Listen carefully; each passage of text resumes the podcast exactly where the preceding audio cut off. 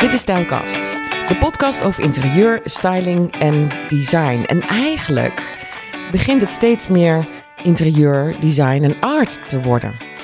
Dus het stijlen gaat er een beetje af en we gaan steeds meer richting kunst. En uh, daar ligt ook mijn hart. Ik vind het ontzettend leuk om over uh, uh, kunstige dingen, kunstige mensen en kunstwerken te praten. En daarom heb ik de volgende gast uitgenodigd. Ik denk dat je heel veel interessante namen gaat noemen in deze podcast. Dus even vooraf. kijk op stijlkast.nl voor alle informatie, foto's en de namen die we hebben genoemd van mensen die je zeker moet gaan volgen of waar je even een kijkje moet nemen. Lorraine Dunkley. Oh, ben ik blij dat wij tegenover elkaar zitten. Leuk dat je er bent. Heel ja, erg leuk. Hoofdredacteur van de Residence. Ongelooflijk dat je, uh, je bent hartstikke jong. En dat je in de afgelopen twee jaar dat je daar werkt, al zo'n turn hebt gemaakt met het blad. Ja, Waar ben je begonnen? Uh, het was natuurlijk in de coronatijd. Hè? Ik werd in december 2020 uh, gebeld door Frank Kloppert, de uitgever. Die doet het al sinds 87. En uh, ze waren op zoek naar een nieuwe hoofdredactrice. En ik was op dat moment 28 en toen dacht ik, jeetje, hartstikke leuk. Maar ik heb er wel even goed over nagedacht. Van goh, hè, het is natuurlijk een vrij klassiek blad en ik ben iets meer hedendaags. Dus uh, waar ligt dan de waarheid? En toen heb ik er een dag over nagedacht en de dag erna belde ik hem op. En toen zei ik, joh, we gaan er gewoon voor. En dan zien we wel waar het schip strandt. En nu zijn we 2,5 jaar verder en het gaat goed. Ja, het gaat heel dus goed. Dat, ja. En wat, wat zijn voor jou de grootste verschillen? Met... Met hoe het was toen jij aantrad? Nou, toen ik aantrad, toen um, heb ik heel goed naar de redactionele formule gekeken. Voor mij zat Mary Hessing daar van Volt Magazine. En daarvoor Miluska van het Lam, die nu Harper's Bazaar doet. Twee ja, fantastische vrouwen die echt een heel sterk blad hebben neergezet.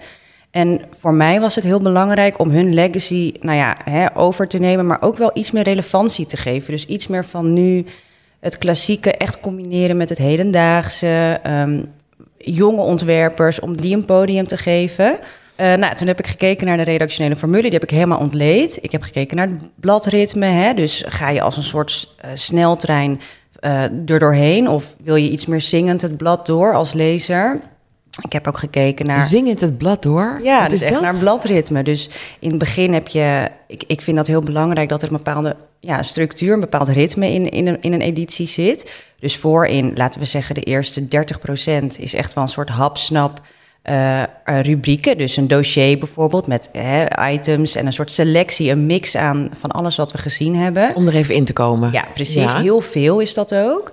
Dus je wordt eigenlijk echt wel ja, gebombardeerd met uh, heel veel informatie. En dan halverwege het blad, dan kom je bij de interieurs. Dus dat zijn, nou ja, dan kan je echt even lekker onderuit zakken en wegdromen, zeg maar. En achterin hebben we dan echt wel de diepte-interviews en uh, uh, portretten, maar ook het kunstkatern. Dat is altijd, heeft het een vaste plek in het blad. Dus is dat wil... kunst er al in? Ja, kunst zat er al in, ja. Alleen nu is het wat hedendaagser, wat jonger geworden. Ja, en echt wel een mix tussen, uh, nou ja, echt wel diepte-interviews, maar dan ook bijvoorbeeld een, we hebben nu toevallig Sina Dijks, dat is een hartstikke jonge textielontwerpster. En dat vind ik dan ook leuk om zo iemand dan hè, met vier pagina's terug te laten komen. Dus... En een podium te bieden. Absoluut. Is dat belangrijk, een podium bieden? Ja, ja 100 procent. Ik vind het heel belangrijk om. We hebben natuurlijk partnerships al jaren met, uh, nou, met klanten van ons, met adverteerders wereldwijd. En dat zijn echt nou, fantastische samenwerkingen. En zonder hun kunnen we ook niet voortbestaan. Maar ik vind het ook heel belangrijk. Ik was toevallig uh, twee weken terug op Art Rotterdam. En dan zie je de meest experimentele en fantastische ontwerpen van jonge makers die net zijn afgestudeerd aan de Design Academy. En die hebben die budgetten niet om bijvoorbeeld te adverteren. En dan denk ik, ja, met de eikpersoon in gedachten en, en, en de lezers die je wil inspireren, vind ik het heel belangrijk om die um, personen gelijk, hè, dus adverteerders als emerging, om die gelijk te behandelen eigenlijk. Ja, en een opkontje te geven. Want inderdaad, als je net begint en je hebt helemaal je verdiept in een bepaald design, dan, dan moet je nog iemand gaan aannemen die dan voor jou de, de marketing uh, gaat doen. En dat is ontzettend lastig. Dus betekent dat als je daar loopt, dat er mensen jou aanklampen en zeggen: Lorraine, mag ik alsjeblieft? ja, zeker. Ja, ja nee, soms ga ik ook incognito. Ik ben helemaal niet. Uh, je, je maar... bent nog wel goed te zien. Nee, Hoe ga jij incognito? nou ja, ik was toevallig laatst dus naar objecten en uh, we hadden toevallig daarvoor een reunie van een, van een vroegere bijbaan. Dus dat was een beetje laat geworden. En toen dacht ik de dag erna: Oh god, ik ga natuurlijk naar Art Rotterdam en object. En uh, superleuk, maar ik wilde gewoon puur scout. Dus ik had een hele dikke sjaal om, echt tot over mijn neus. En een uh, hele grote muts. en toen dacht ik, nou, weet je, echt, yes, ik, ik had bijna zeg maar echt een boerka aan. En toen dacht ik, nou... en uiteindelijk, ja, toch uh, Wisse Trooster, fantastische vent uit Eindhoven... die echt de tofste ja, curatie samenstelt en... Um, ja, tentoonstellingen. En op een gegeven moment ben ik daar een half uur blijven hangen. En zei ik, wist nou stop, ik ga weer door. dus dat. Maar het is, ja, het is fantastisch. Het is echt heel erg leuk. Ik vind dat maar aan de andere kant is het ook wel weer sneu, hè? Dat ze dan zo aan jou hangen. Eh, omdat er gewoon zo weinig is in Nederland om je kunst aan de man te brengen. Er zijn natuurlijk beurzen, ja. maar niet iedereen wordt gezien. Nee, en dat is natuurlijk ook al een uitgave om überhaupt op een beurs te kunnen staan. Hè? Dan hebben we het echt wel over bedragen van vier cijfers, zeg maar. Dat, dat is niet voor iedereen weggelegd. Die, die budgetten heb, ja, heeft niet iedereen, maar je kan wel vanuit je hart iets maken.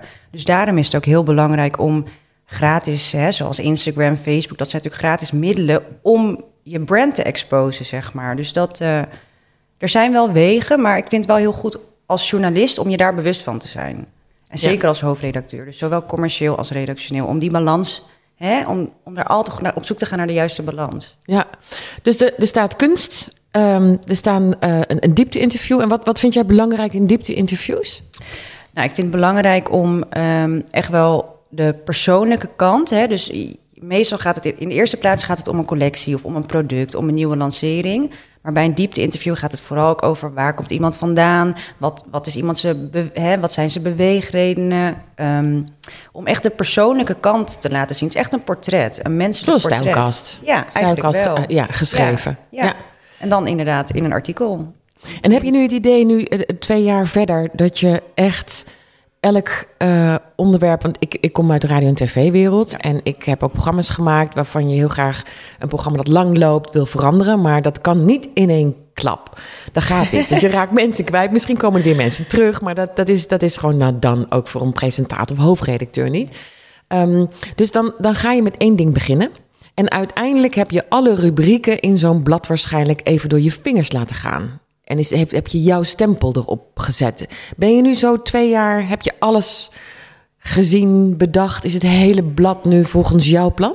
Ja, ik heb wel het idee nou, ik moest net lachen toen je de vraag stelde, maar ik, het, het, ja, je moet wel geduld is een schone zaak. Laat ik daarmee moet je daarom lachen? Ja, ja heb je weinig heb, geduld? Nou ja, ik dat niet, maar ik wil wel. Ik, ik ga er altijd voor de volle 200% voor. Vanaf het moment dat ik wakker word totdat ik in bed lig. Ja, ik heb heel veel energie, zeg maar. Dus ik, ja, ik, ik grijp het leven wel bij de ballen, zeg maar.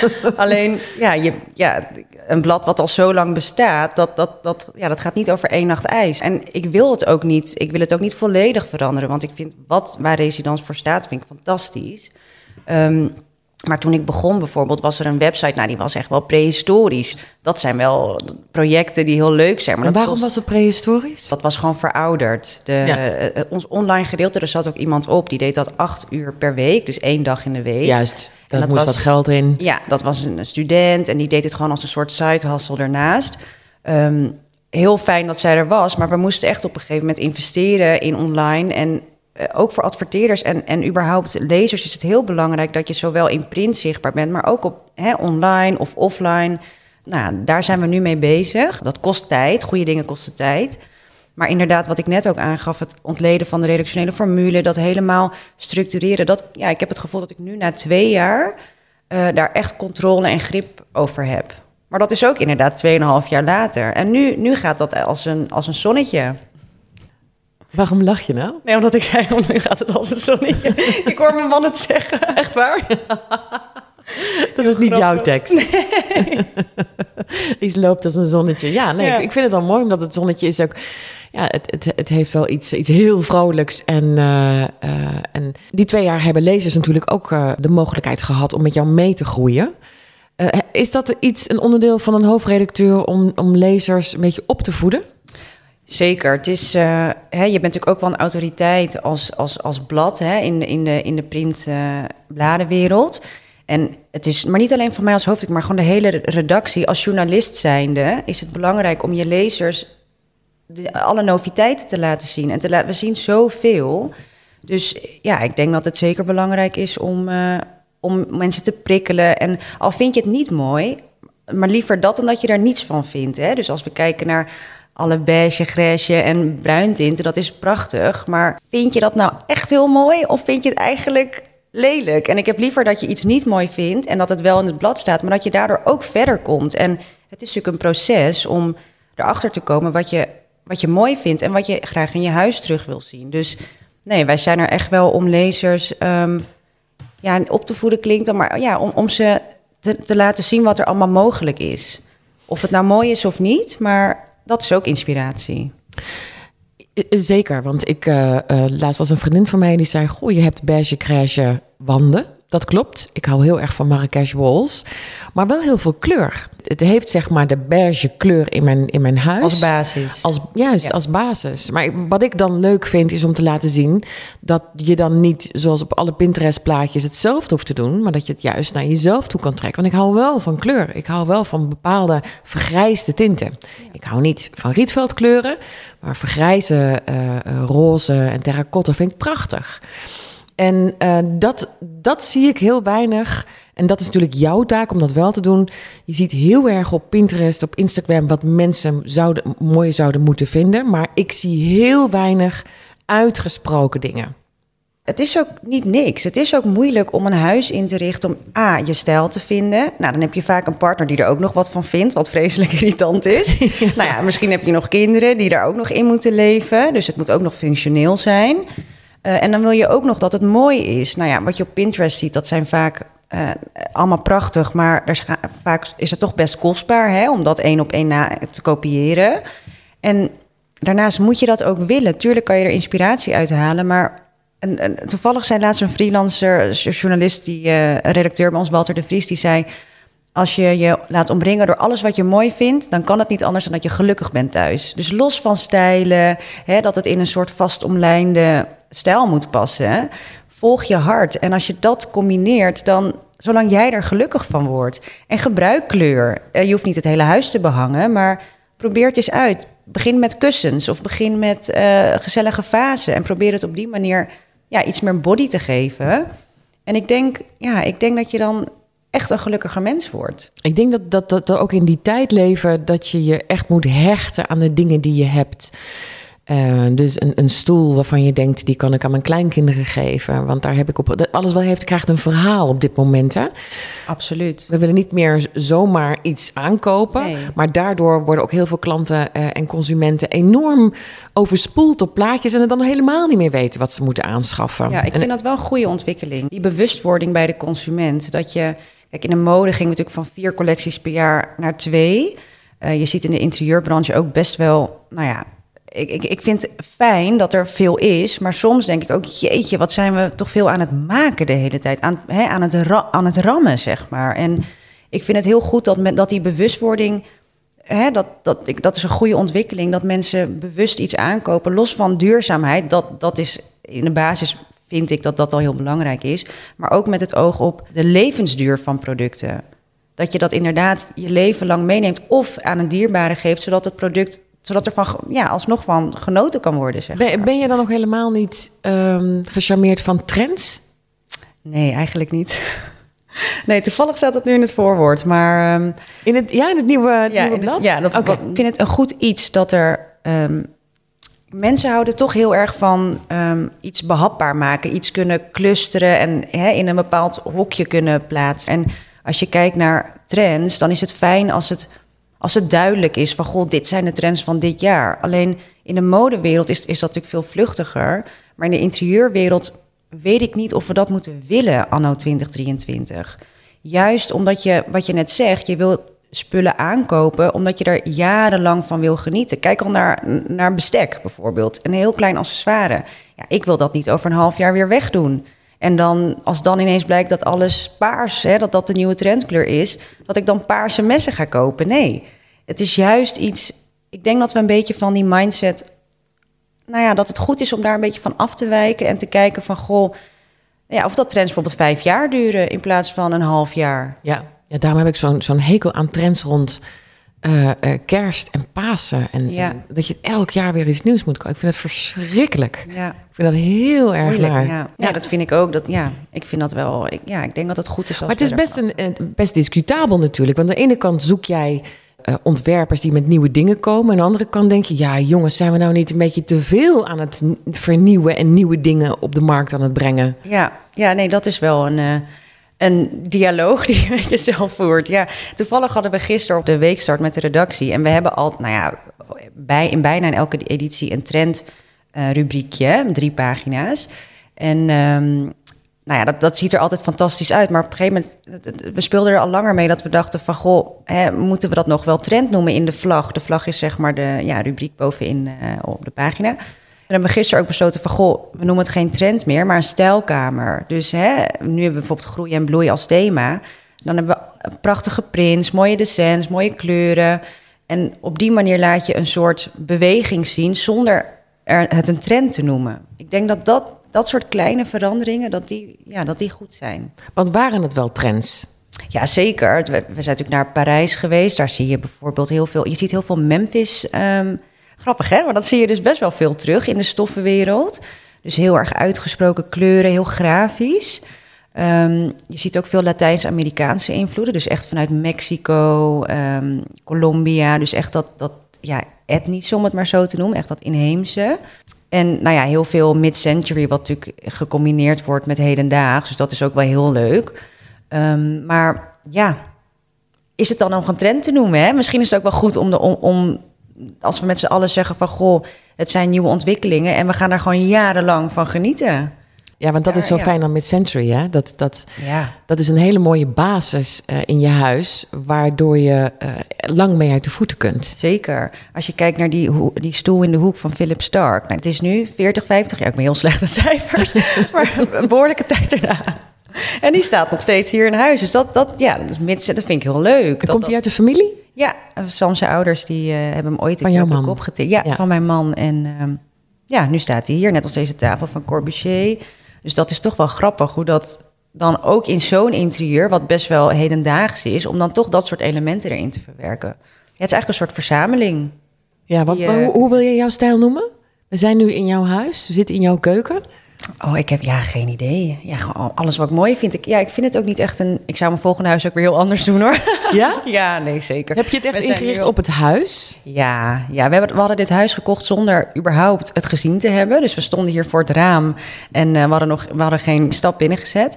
En eh, toen dachten we, nou, we gaan er gewoon voor. En uiteindelijk is ons bod geaccepteerd. En nu wonen we hier al drie jaar. Hadden jullie hoge nood? Nee, helemaal Oh. niet. We dachten gewoon, nou, we proberen het gewoon. en dan zien we het wel. Ja. Maar ja, nee, we zouden het. Ja, stel. Ik denk dat op dit moment in ons leven past dit heel erg. En hè, met kleur. En mijn man Sam, die heeft toevallig zelf alle kleuren uitgekozen. Dus dat vind ik ook wel leuk. Ik ben daar gewoon in meegegaan. Dus een oranje plafond, roze muren. En nou ja, hè, dat tof, toffee-achtige met burgundy. Dat vind ik wel heel leuk. Maar het is meer voor mij, wat, wat echt wel door de jaren heen. We zijn nu volgend jaar tien jaar samen. En in de afgelopen jaren merk ik wel dat ik heel erg. Mijn hart gaat echt open van het verzamelen van objecten waar een verhaal achter zit. Dus los van stijlen. Maar die liefde die creatief makers in iets stoppen, dat, ja, daar, gaat, daar gaat mijn hart echt van open. En daar wil ik me continu door omringen. Zowel in mijn werk, maar ook privé.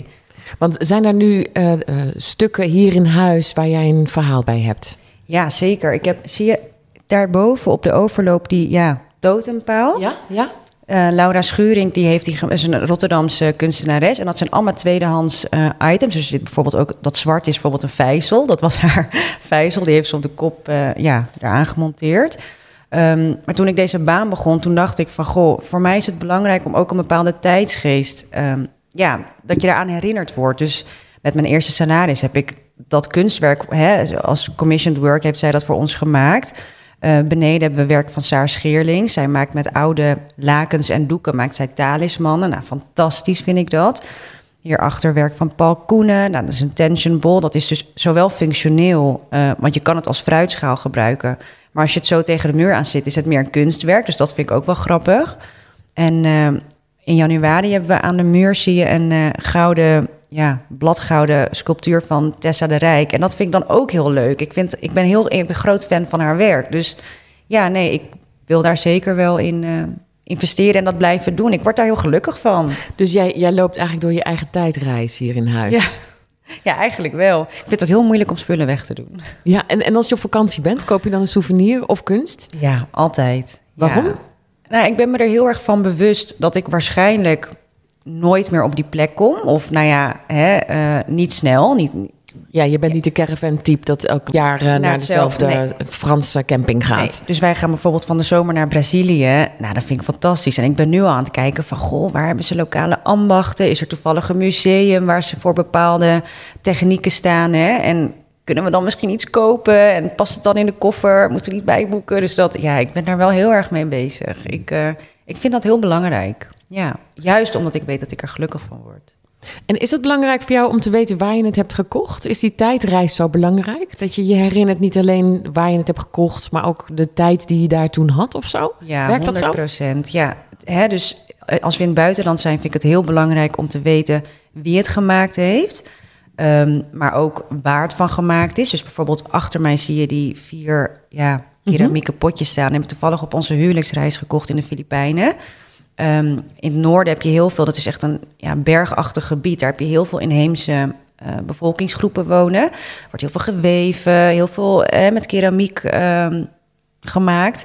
En ik vind het dan heel belangrijk om daar in het atelier te kijken hoe ze het maken. En daar dan ook iets te kopen en hun te supporten, zeg maar. Dus dat, ja, ik vind dat wel heel belangrijk. Wat is voor jou het verschil tussen design eigenlijk en kunst? Want je houdt en van kunst, maar dat zou dan eigenlijk meer een soort design zijn, die vier potjes. Ja, ja ik denk ook dat dat nu, hè, de tijd waarin we nu leven, dat dat steeds meer een soort grijs gebied is en iets meer fluïde is, maar dat het meer in elkaar overgaat. Net, als, net als meubels en fashion, interieur en fashion. Ja, dat denk ik Het ook. begint ook steeds meer in elkaar over te lopen. Ontwerpers Ja. die voor beide soms, of, of grote modehuizen die meubilair eh, aan, het, aan het ontwerpen zijn. Ja, grappig dat je dat zegt, want dat, dat, dat zien we heel erg. Dat modehuizen inderdaad een paar keer per jaar met een homecollectie komen. Maar voor mij, ik denk dat de rode draad in dit alles is dat het een vorm is van je identiteit. Dus hè, mode draag je letterlijk op je huid. Dus dat is een vorm van wie je bent. Maar je huis, je interieur, daar, daar woon je in. Dat, daar, daar, daar, daar leef je in. Dus dat is ook een uiting. Hè, dat ligt daar in het verlengde van. Ehm, en waar ik, ik denk dat in de vorige eeuw, hè, dat, dat design en kunst. Design is echt wel functioneel. Maar wat ik net zei, zo'n fruitschaal, als je dat ophangt, is het ineens kunst. Want dan is het geen gebruiksvoorwerp meer. Dus ja, het, het, in principe is dat wel, even plat gezegd, de scheiding. Maar dat kan ook heel goed samen. Voordat je hoofdredacteur bent, heb jij je ook met kunstinstallaties bezig gehouden. Je bent met Margriet Volleberg gewerkt. Ja. Eh, veel beurzen gezien in je leven. veel. Eh, dus heel veel voetstappen op beurzen van jou. Wat, wat vind je het leukst aan, aan deze tijd? Ik vind het leuk dat, nou ja, dat, dan hebben we het toch over corona, maar mensen durven van alles te maken. En dat vind ik heel erg, eh, daar word ik vrolijk van om dat te zien. Wat ik van sommige wat oude designers hoor, is dat zij bang zijn dat het vakmanschap eh, verdwijnt. Dus dat, dat bijvoorbeeld geen aluminium meer gegoten kan worden, dat niemand dat meer kan. Toch, gek genoeg, zie je heel veel vakmanschap en craftsman's-work eh, om je heen. Dat wordt wel gewaardeerd. Ja, klopt. Het wordt, ambacht wordt veel meer wat voorheen als een soort huistuin en keuken iets werd gezien. Hè, wat in elke huiskamer beschikbaar was. Dat is tegenwoordig echt wel iets exclusiefs geworden. En wordt wel als een soort collectible item gezien. Echt een collectors item. Dus dat is wel heel leuk. Dus je ziet oude craftsman's-work van vroeger nu als collector, collectors items. Ja. Maar je ziet ook dat ze met het vakmanschap van vroeger weer iets anders maken. Zeker. En waar voorheen ambacht eigenlijk het ja, lelijke zusje was, was van design en kunst, is dat nu echt wel gelijk, zeg maar. Je hebt kunst, hè, dus art, design en crafts. En die zijn allemaal gelijkwaardig. Dus dat is wel een goede ontwikkeling. Steeds meer musea kopen hè, echt crafts aan voor hun vaste tentoonstellingen. En dat is natuurlijk fantastisch. En weer omdat het dan een verhaal heeft en, Ja. en persoonlijk is of zo? Wat Ja. zou dat zijn? En omdat we denk ik teruggrijpen naar dat handgemaakte, de liefde die iemand met zijn handen erin stopt. Ik denk dat we daar heel erg eh, behoefte aan hebben. Terwijl we heel erg worden afgeknepen. Want het moet duurzaam zijn, het proces moet duurzaam zijn. Je, je, eigenlijk kunnen we geen kant meer op. Je zou zeggen dat we 50 jaar geleden alles konden. Maar nu kan het niet meer. Er zijn milieuregels aan verbonden. Ja. Juist daardoor, denk ik. Ik denk dat uit die vraag of uit, uit, uit dat sociale probleem, dat daardoor ma makers die of die maken natuurlijk als reactie op wat er op dit moment speelt in de samenleving, gaan zij aan de slag. En ik denk dat dat de voedingsbodem is voor dat hele, nou, dat hoopvolle, dat experimentele. Dus ik denk dat dat het in de, ja, het stimuleert. Je vertelde net uh, over uh, Mexicaanse en Zuid-Amerikaanse kleuren. Dat zijn nou niet de kleuren waar ik heel erg op val. Um, jij, jij wel? Heel erg. Ja? ja? Ja, wij zijn in 2019, hebben we drieënhalve week zijn we door Mexico gereisd met de auto. Nou, ik vond de, het straatbeeld alleen al, de kleuren ja, die daar, daar, ja. daar vind ik het fantastisch. Ja, een zo snoepwinkel. Maar hier, zie je het hier ook? Kunnen, Nee, kunnen we het nee, hier ik zie het- gebruiken? ik zie het hier niet. Nee, dat vind ik wel jammer. Nee, ja, het is. Het, het is ook lastig om kleur te kiezen voor een huis. Het, is, het, het, is ook, het, het kan al heel snel vloeken. En hè, je moet het na, na een jaar nog steeds leuk vinden. Maar als ik kijk naar. Als je puur kijkt naar de kleurenpsychologie. Je wordt ook blij. Het doet wat met je brein. Het doet wat met je emotie. En dat wit, wit is eigenlijk een heel lastige kleur voor ons brein om te verwerken. Want het is een heel onnatuurlijke kleur. Je ziet het eigenlijk alleen in de wolken terugkomen. Maar En dat het is ook niet eens wit, hè? Nee, en dan zie als je naar boven kijkt, dan zie je al dat je, dat je ogen dichtknijpen. Het is qua, qua informatie is het heel moeilijk om die kleur te verwerken.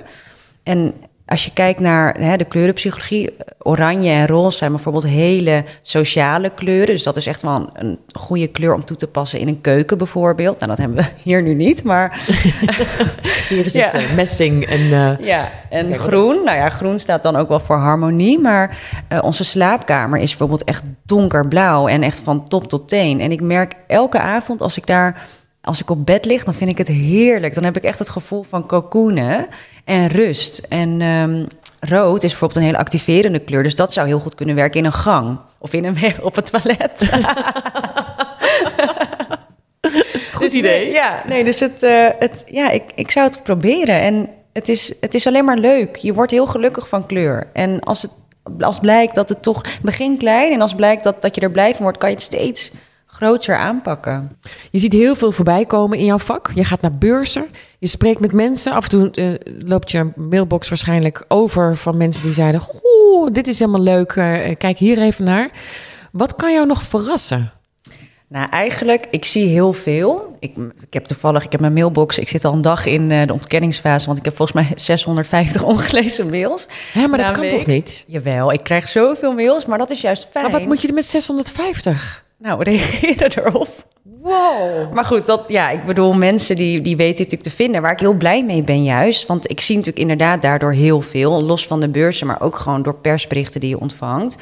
En ehm, ja, ik, ik, ik, word, ik krijg er ook energie van. Dat ik denk, ja, weet je, in Nederland, we, zijn, we hebben zoveel makerschap eigenlijk voor zo'n klein land. Ik, we mogen daar best wel trots op zijn. En eigenlijk kan alles me verrassen. Ondanks dat ik heel veel zie, kan ik nog steeds elke dag echt geraakt worden door iets wat iemand maakt. Ik was toevallig vorige week in Madrid hè, voor het Madrid Design Festival. Sowieso een dikke vette tip, want dat is echt heel erg leuk. Ehm, en toen was ik in een museum, Fernando Gomez eh, Instituut. Nou ja, mijn Spaans is niet heel goed. Maar ehm, zij, eh, er was een tentoonstelling over Se- Se- Sevilla... met allemaal Spaanse kunstenaars uit de designstad van dat jaar. En toen zag ik op een gegeven moment een werk aan de muur hangen. eh, op zaal hing het. Twee meter lang, één meter breed. En het was dus een brass basket. Dus een geweven messing object. En dat vond ik zo bijzonder dat het dus een weeftechniek is, hè, wat je normaal met textiel doet of met eh ambaka of en riet. En dat dat met een hard materiaal, een hard glad eh, ja, materiaal, dus messing in dit geval, dat dat ja, letterlijk ge- ge- geweven is. Ik vond dat zo mooi. En op een gegeven moment, de groep we waren met 30 man, zij stonden nog allemaal echt 10 meter verderop. Maar ik heb denk ik wel 10 minuten bij dat werk gezeten en alleen maar me erop blind gestaard. Ik vond en allemaal video's en meteen mijn man appen, we moeten dit kopen. Ik vind ja, echt geweldig. En moet het niet in het blad? Ja, eigenlijk wel. En dat komt het ook wel hoor. Ja, zeker. Maar eerst inderdaad eventjes alles laten bezinken en goed nadenken van goh, wat zijn nou echt de highlights? Maar dit zit er zeker wel tussen. Het is echt, eh, ja, en ik zag toevallig ook een, eh, een maker, ik heel veel kijken, Agustino del Casar. Maar hij maakt eh, fantastische papieren, ja, sculpturen. En in Spanje zijn ze gek op staatsloten, hè, dus echt trekkingen. Dat is daar dus blijkbaar echt booming. Geen idee, ik heb nog nooit een staatslot gekocht. Maar ehm, hij maakt dus van die oude staatsloten maakt hij fantastische ja, echt wel totempalen, sculpturen. En dat vind ik zo fantastisch. Dus nee, ik ben, dat is ook het leuke aan het vak. En daarom is het ook echt wel voor mij mijn droom dat ik dit mag doen. Het, je ziet zoveel moois en daar krijg, je, ja, daar krijg je alleen maar energie van. Ja, het is natuurlijk onzin om tegen jou te zeggen... 650 mails is een beetje te veel, want dat is gewoon je werk. En zo krijg jij de informatie binnen. En je hebt een paar keer gezegd dat er iets aangaat bij je... als je iets heel moois ziet. Hoe weet jij nou dat je goed zit? Uh, ik kijk echt met mijn hart. Dus het moet me echt bij mijn strot grijpen. En als dat niet gebeurt, dan dan ga ik kijken van, goh, hoe is het gemaakt? Is, hè, is het eh, een bijzonder materiaal? Zitten er hele ingewikkelde technische snufjes aan, hè, aan vast? Maar in eerste instantie kijk ik echt wel van, goh, raakt het me of niet? En als dan de, alle bellen gaan rinkelen in mij, dan, ja, dan ben ik om. En dan weet ik dat ik goed zit. En dan ga je inderdaad verdiepen van goh. Dus je kijkt eerst naar het esthetische. En daarna ga je echt verdiepen in het product en in de makers daarvan. Maar ja, het is echt wel een beroep wat, wat je heel erg op gevoel doet. Ik denk iedereen wel op de redactie. Ja. Het zijn natuurlijk, ja, je wordt continu wordt je omgeven door, door, door creativiteit, door geweldige mensen die dit allemaal maken, door, door, door objecten met een verhaal. Dus ja, je moet het echt wel met je hart moet je erin zitten. Dit was je allereerste podcast, Lorraine. Hoe vond je? je, je bent wel een podcastluisteraar. je ontgroening. Je ja, luistert graag naar eh, Aaf en Mark Marie. Dat is wel zo. Oh ja. Elke maandag. Ja, dat is echt wel voor mij een vaste prik op maandagochtend. Ja. Ik, um, ik hou van podcast. Ik vind het heerlijk. Ik ben niet zo'n radio-luisteraar. Uh, maar ik hou heel erg van podcast. Ja, dit was dus als je nog tips hebt... Ik zo wat tips geven. Ja, Zeker. Leuk. Ja, heel erg bedankt. Jij heel erg bedankt. Uh, want wat je als laatste zei, dat is nou precies waarom ik je graag uh, wilde spreken. Hoe, hoe zit jij erin en hoe zorg je ervoor dat je als journalist uh, ja, het, al het moois als een soort roeptoeter Nederland inblaast? Dat, dat moet je wel goed doen. Je kan niet alleen maar doen waar je zelf zin in hebt. Nee, zeker. Nee. En daaraan toevoegend, het is ook echt wel de balans hè, tussen een printmedium in een digitaal tijdperk. Dat je daar Um, ja, dat je toch altijd op zoek gaat naar die balans. En ik denk ook, je ziet tegenwoordig heel veel jonge, relatief jonge mensen die nou, hoofdredacteur zijn. Dus heb ik het over Anke de Jong van L, Jellies Sicek van Vogue, maar nu ook Kelly Sta van Cosmopolitan. Die begint volgende week. Zij is net 30 geworden. En ik vind dat zo'n. Ja, ik, ik, ik denk juist dat we toe zijn aan aan die vernieuwing en ja, frisse energie. Um, ik ben heel blij dat je, dat je op deze plek zit. En uh, ik zie het blad veranderen in de positieve zin. En uh, ik wil je heel hartelijk bedanken. Dankjewel, jij bedankt. Kijk op stijlkast.nl voor um, alle informatie, voor foto's waar we het in deze podcast over hebben gehad. En uh, abonneer je op Stijlkast bij je favoriete podcast device. Want zo mis je geen enkele aflevering. Tot de volgende Stijlkast.